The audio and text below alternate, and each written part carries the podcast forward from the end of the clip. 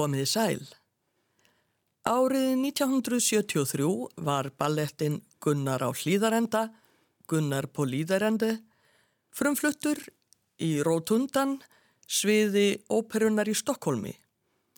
Eins og nafni bendir til var ballettin byggður á brennunjálsögu og höfundur tónlistarinnar var Ralf Lundsten, sænskur tónsmiður, fættur árið 1936. Lundsten var frumkvöðull í raftónlist og ballettin um Gunnar á hlýðarenda var líka í þeim anda, sænsk raftónlist byggð á njálu. Höfundur dansins var hins vegar íslensk ballettdansmær Unnur Guðjónsdóttir. Hér í þættinum verða fluttir þættir úr ballettinum og Unnur er hingað komin og ætlar að segja okkur nánar frá verkinu. Vertu velkomin Unnur.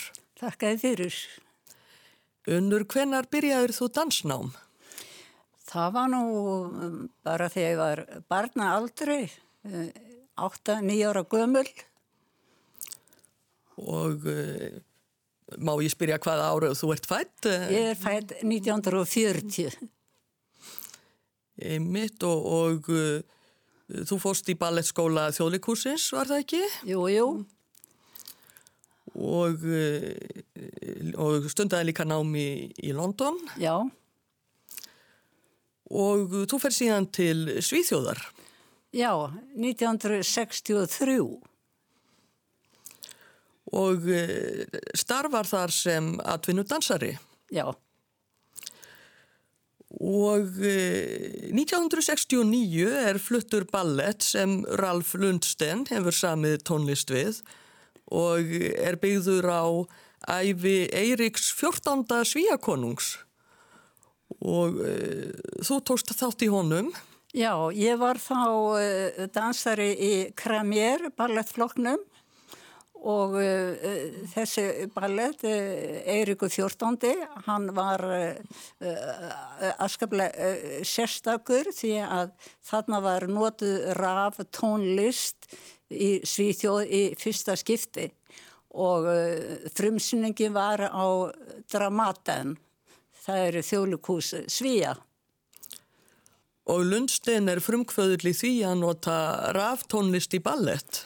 Já, og þetta gerðan með uh, miklum uh, þokka og þegar að koma því að uh, ég fekk tilbúðum að setja upp ballett á óperunni, þá dætt mér hann í hug eins og skot vegna þess að ég ákvað þá að gera ballett um Gunnar og hlýðarenda og þá komum við að því að þar sem að súsaga á að hafa skeið svona á tíundu eða elleftu öll að það var bara ómögulegt að hugsa sér nokkra tónlist sem myndi passa nema þá Ralf til þess að semja tónlist sérstaklega fyrir þetta stykki.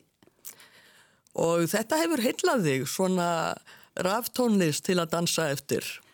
Já, vegna þess að þetta var svo óvenjulegt og fjell svo vel inn í þennan dans, þennan Erik 14. sem skeiði nú fyrir mörgum öldum síðan. Já, Eirikur var uppi á 16. öld og æfi hans er mjög sorgleg í rauninni. Jú, jú. Hann var geðveikur og talið er að hann hafi verið myrtur í fangelsi. Já. Og við heyrum kannski eitt atriði úr þessum ballett, er ekki 14. áður en við snúum okkur að Gunnari á hlýðarenda. Og eins og við myndust á, það var Kramer ballettin sem dansaði og þú varst á meðaldansara. Og það var Ivo Kramer, stjórnandi Kramer ballettin sem samti dansinn, var það ekki, við Eirík 14. Jú. Hér kemur atriði úr ballettinum Eiríkur 14. tónlist eftir Ralf Lundsten. Atriðið heitir Kríningin. Eiríkur er hér kríndur konungur þó að annar aðalsmaður sækist eftir konungsembættinu.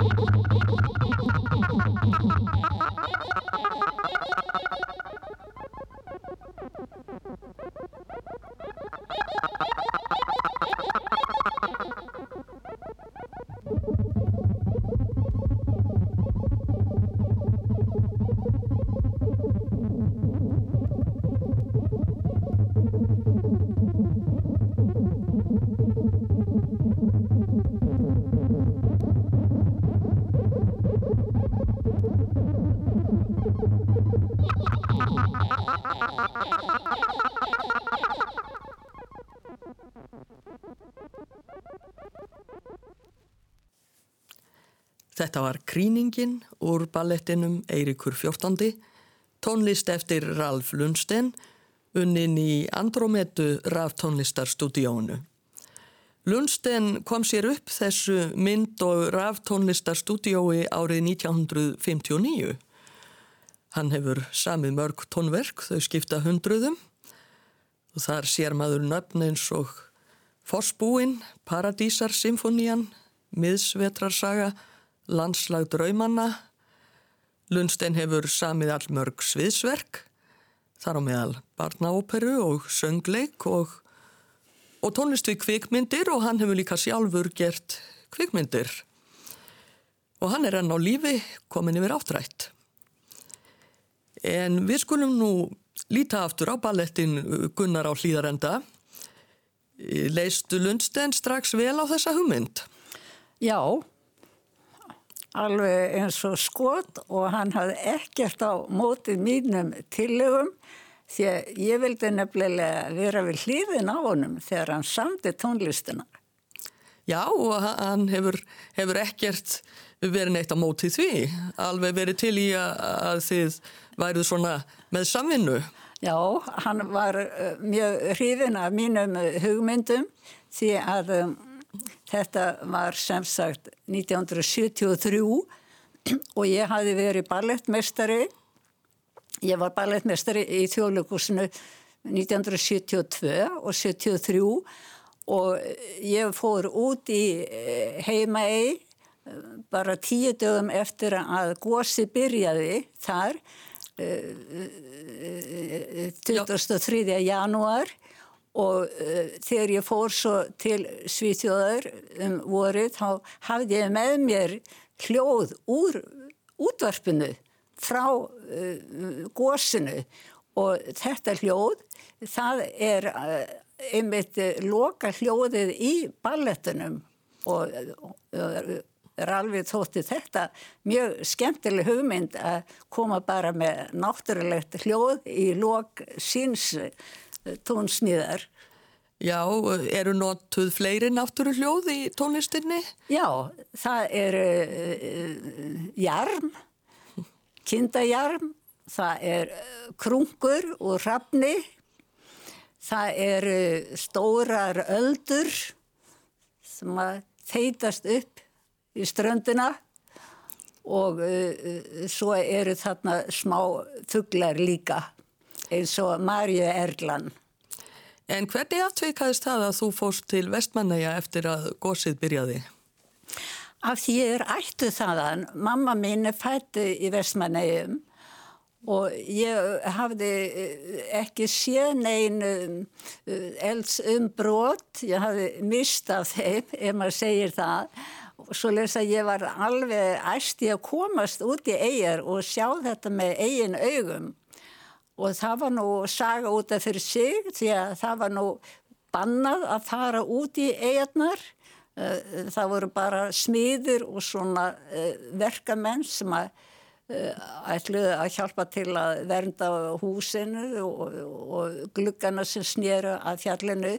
Þannig að ég smiklaði mér um borð í eitt af skipunum hérna, það, það var varskipið Þór og kom mér út í eigjar á þann hátt og sá þetta bara allt uh, uh, í logandi og, og uh, fekk, þetta fekk náttúrulega mikið á mig og þrá séð Gunnar á hlýðarenda þá var ég með um, frumsningu á ballett í Stokkólmi nákvæmlega á ársteginum eftir að gósi byrjaði 1974, 23. janúar og það kallaði ég gósið í heimægi.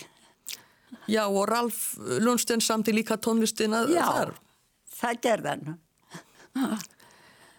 En uh, þá skulum við heyra atriði úr ballettinum um Gunnar á hlýðarenda. Ballettin er í mörgum stuttum atriðum og þetta er atriðið þar sem Gunnar sér Hallgerði í fyrsta skipti. Atriðið heitir Ringdans. Hallgerður er að dansa ringdans með öðru æskufólki.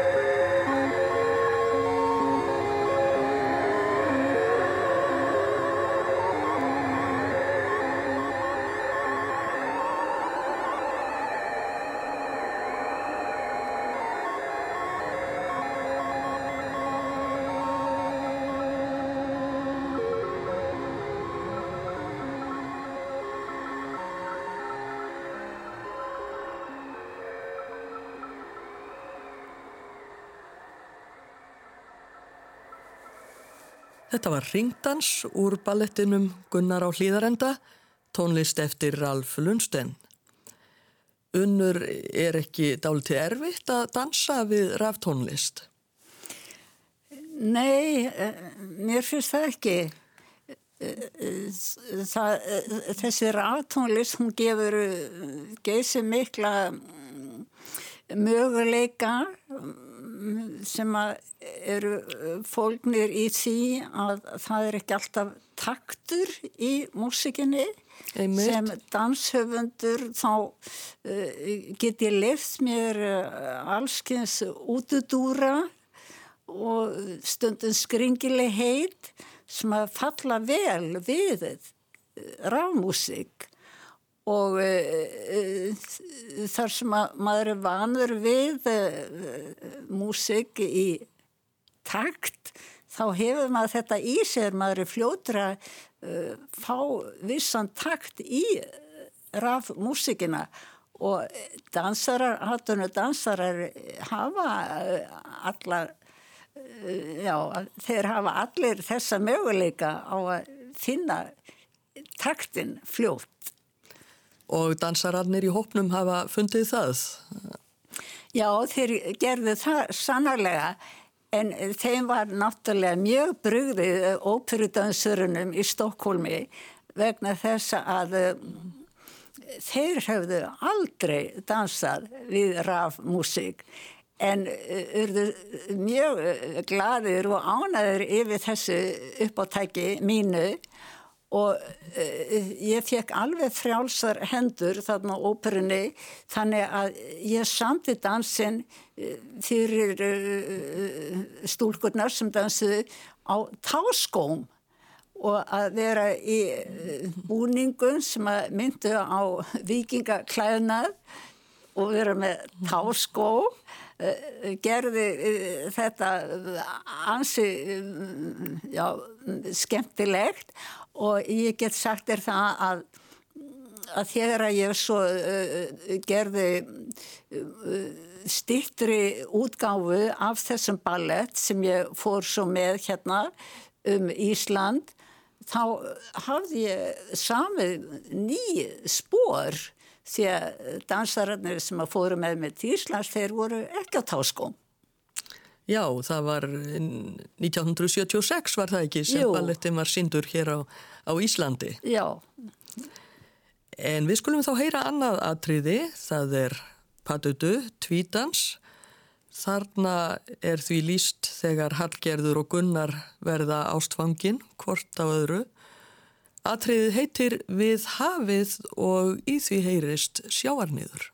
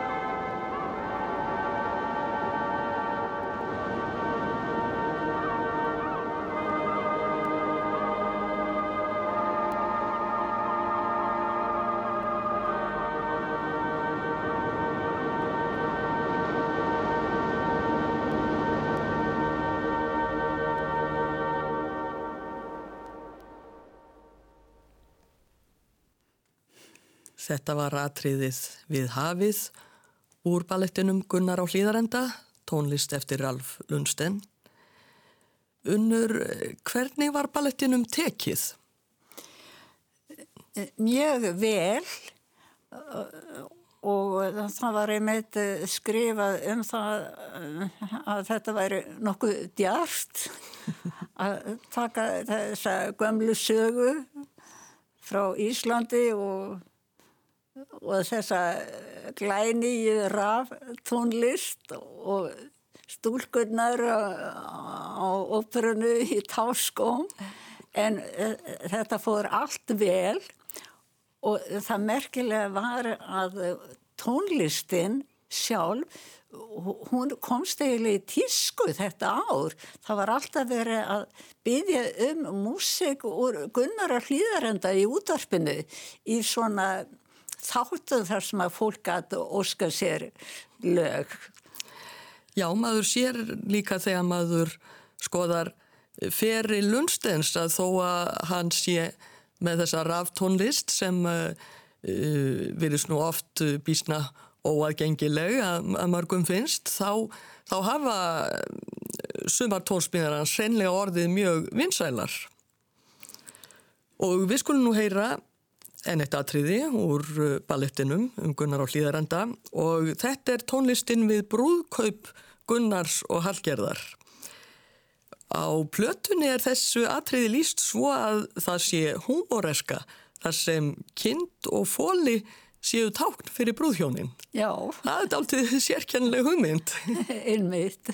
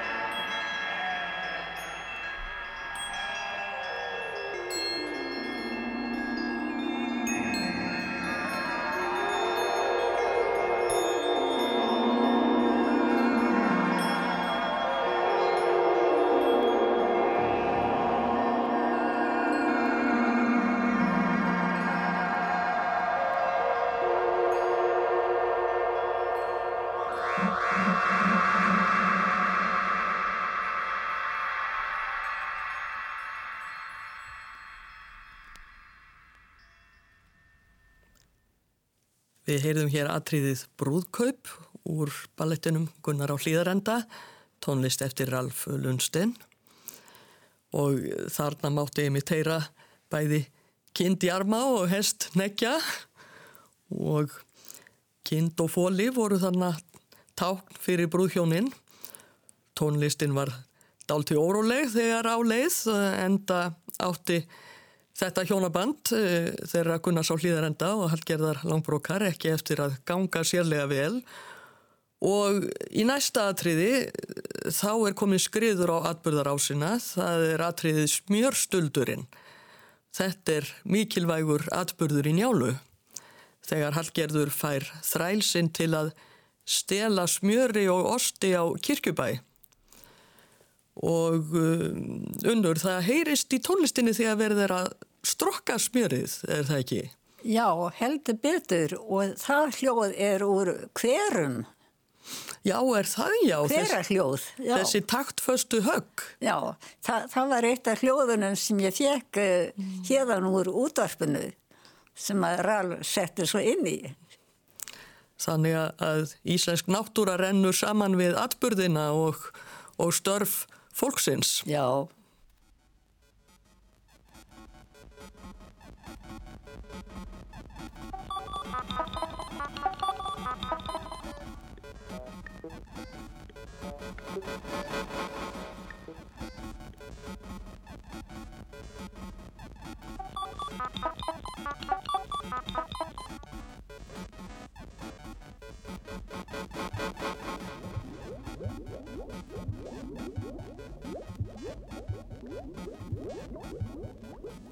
What?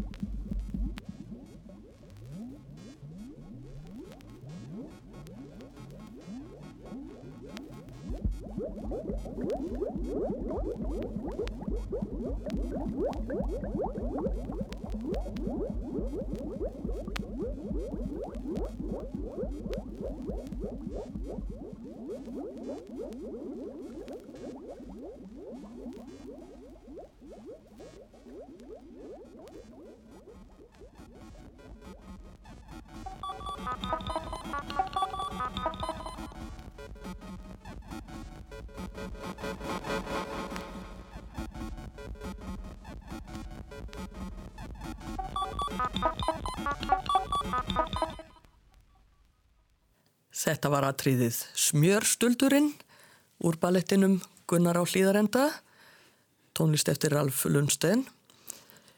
Og næsta aðtriði er ekki síður mikilvægt fyrir framrás sögunar, það heitir Kinnhesturinn. Það er heið fræga atvik þegar þjófnaðurinn verður uppvís frammi fyrir gestum Gunnars og Hallgerðar á hlýðarenda. Gunnar áttar sig á því að maturinn er stólinn, missir stjórn á sér og slær Hallgerði kinnhest. Hún hvaðst þann hest muna skildu, segir í njálu. Unnur, eh, hvernig persóna var Hallgerður í þínum augum? Hún var afskaplega eh, sjálfstæð, nokkuð þrek, mjög eh, hrifin af sínum mönnum því að Gunnar var ekki hennar eini Nei, nei, einmaður. hún giftist eh, tveimur á undan Gunnari, hún var nú víst að, vi, að vísu ekki hrifin aðeins fyrsta samkvæmt njálu en annan eigin mannsinn elskaði Já. hún heitt. Já, en um, þetta er afskaplega uh, flókin manneskja. Hún elskar mannin en hún uh, hatar hann fyrir löðrungin. Já. Og í tónlistinni heyrist hvernig spennan magnast og skyndilega er eins og komi högg.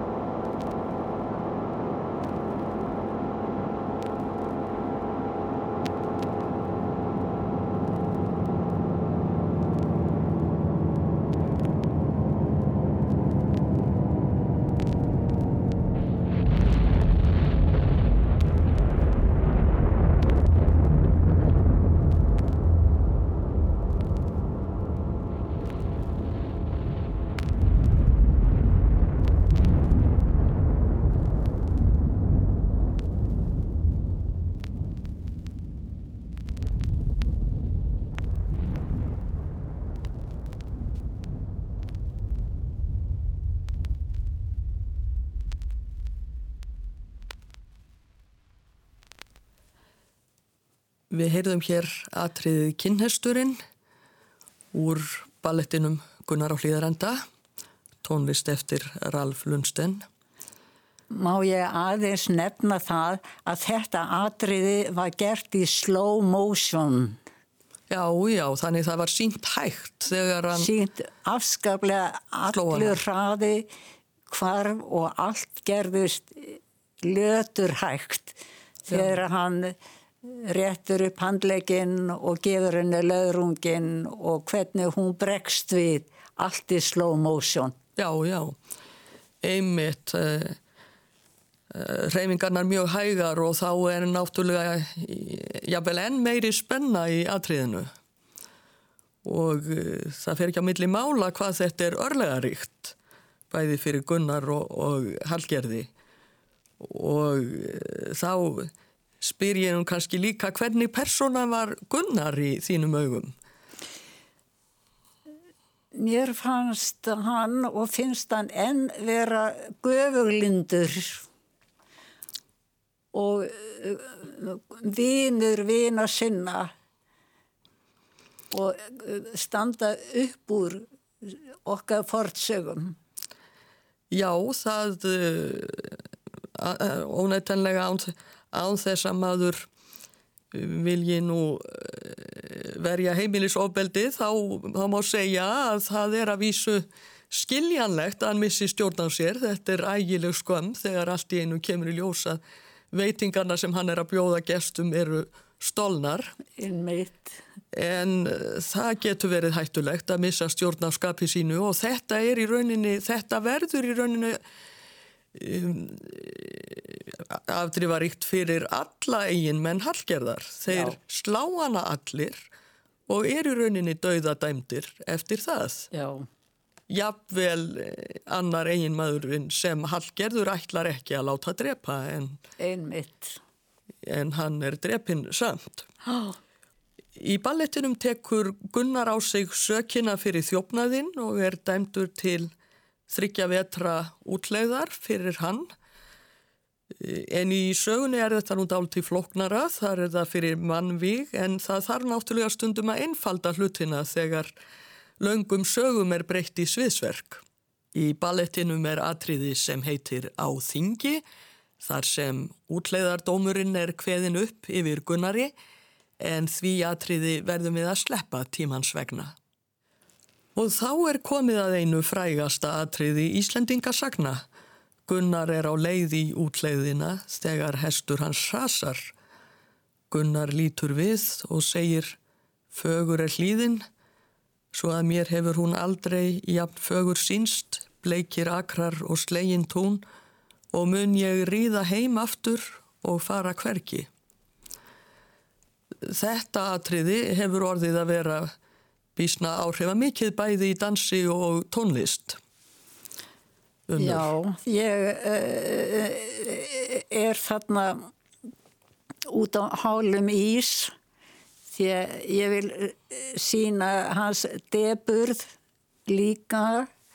Uh, hann veit hvað muni ske ef hann fer hvergi og uh, að láta hans hrifningu ná út yfir sviðið, uh, hrifningin yfir hlýðinni og blanda þessu saman við hans uh, áætlun og ætlun að fara hvergi og þess vegna er þessi músík mjög sérstæð. Við vorum alveg samálu um það, ég og Ralf, að svona skildi hún vera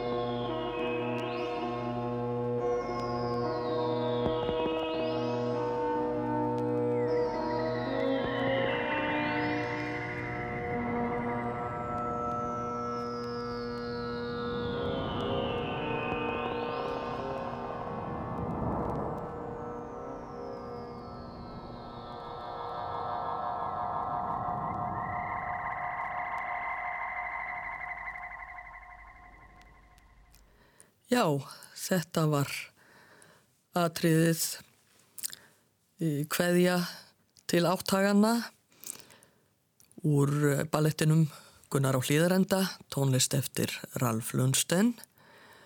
Gunnar snýr aftur og þá er það loka atriðið, bardaginn og hemmt hallgerðar. Óvinnir Gunnars ráðast að honum á hlýðarenda. Gunnar ver sig lengi með bóganum en svo brestur bógastrengur hans. Unnur þetta Hér komum við ennað atriði þar, þar sem örlög ráðast. Já, heldur betur. Og e, þetta kemur líka fram í tónlistinni. E, Gunnar býður Hallgerði að ljá sér lokk úr hári sínu í nýjan bogastreng. Hún segir, þá skal ég þér nú muna kinnhestin og neytar að láta hann hafa lokkinn. Það verður til þess að Gunnar fellur. Hallgerður kemur þannig hemd sinni fram og dansar hemdardans yfir líki Gunnars í ballettinum en í tónlistinni þessu atriði heyrast hljóður eldgósinu í heimaði. Og unnur reyði Hallgerðar er eiginlega eins og eldgós. Já, svo sannarlega. Það er, það er mikill eldur í skapgerð þennar. Já, og það er eiginlega engin tónlist sem getur yfirgnæft hljóðið úr gósinu.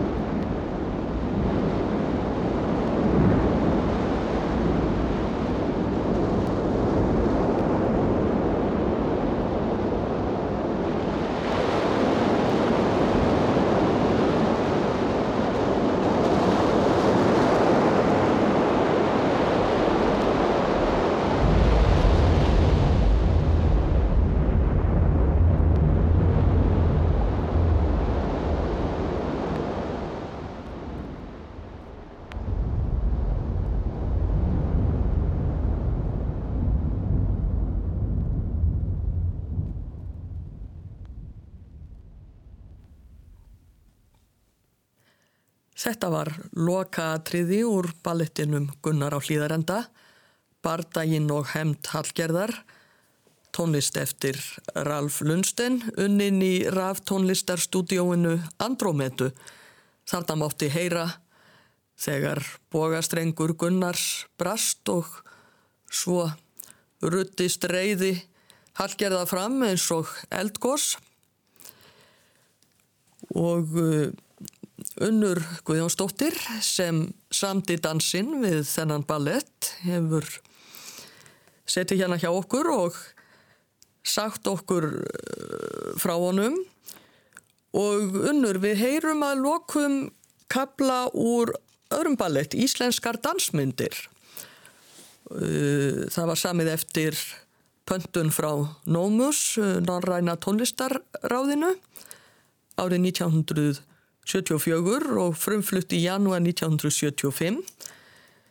Aftur er tónlistin eftir Ralf Lundsten og uh, þú hafði líka hönd í bakka þar. Já, ég vil gerna benda á mismun þarna.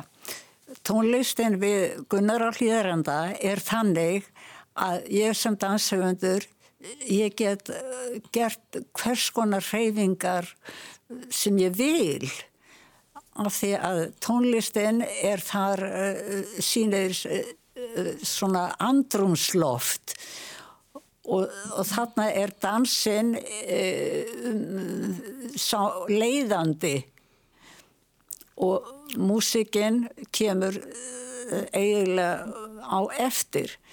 Við Marjörgluna Já, það er kaplinn sem hér verður leikinn úr íslenskum dansmyndum. Þar, þar snýst þetta alveg við. Þar er músikinn svo sterk að ég sem danshöfundur get engu um það ráðið. Ég get bara sett spórin því að hún er svo sterk að, að ég hef ekkert sjálfstæði sem danshöfundur. Það er bara fyrir mig að bæta spórunu við músikina. Í fyrirfallinu er það ég sem ræð og Rál kemur eftir í fugglinum, Marjörlunni, þar er það Rál sem er 100% og ég fylgjónum eins og þræll. Svo hafði ég uh, mjög góða uh, ballerínu sem dansaði þetta og hún uh, var á táskóm og gerði allar þessar hreyfingar svo fínt, passaði svo vel við músikina. Hver var það? Ástís Magnúsdóttir. Og dansin hefur komið upp í hugaðir bara strax eftir að þú hefðir heyrt tónlistina? Alveg eins og skot, ég þurfti ekki að breyta einu einasta spori. Og þessi kapli heitir á sænsku til hinn Sedeserla eða til Marjörlu og uh, það verður þá síðasta tónlistaratriði hérna. Unnur Guðjónsdóttir dansari, ég þakka þér kærlega fyrir komuna. Við heyrum kablan til Marjörlu tónlist eftir Ralf Lundsten úr ballettinum Íslenskum dansmyndum. Tónlistin er unnin í raf tónlistarstúdíónu Andrómetu ég þakka hlustendum áhyrnina verði sæl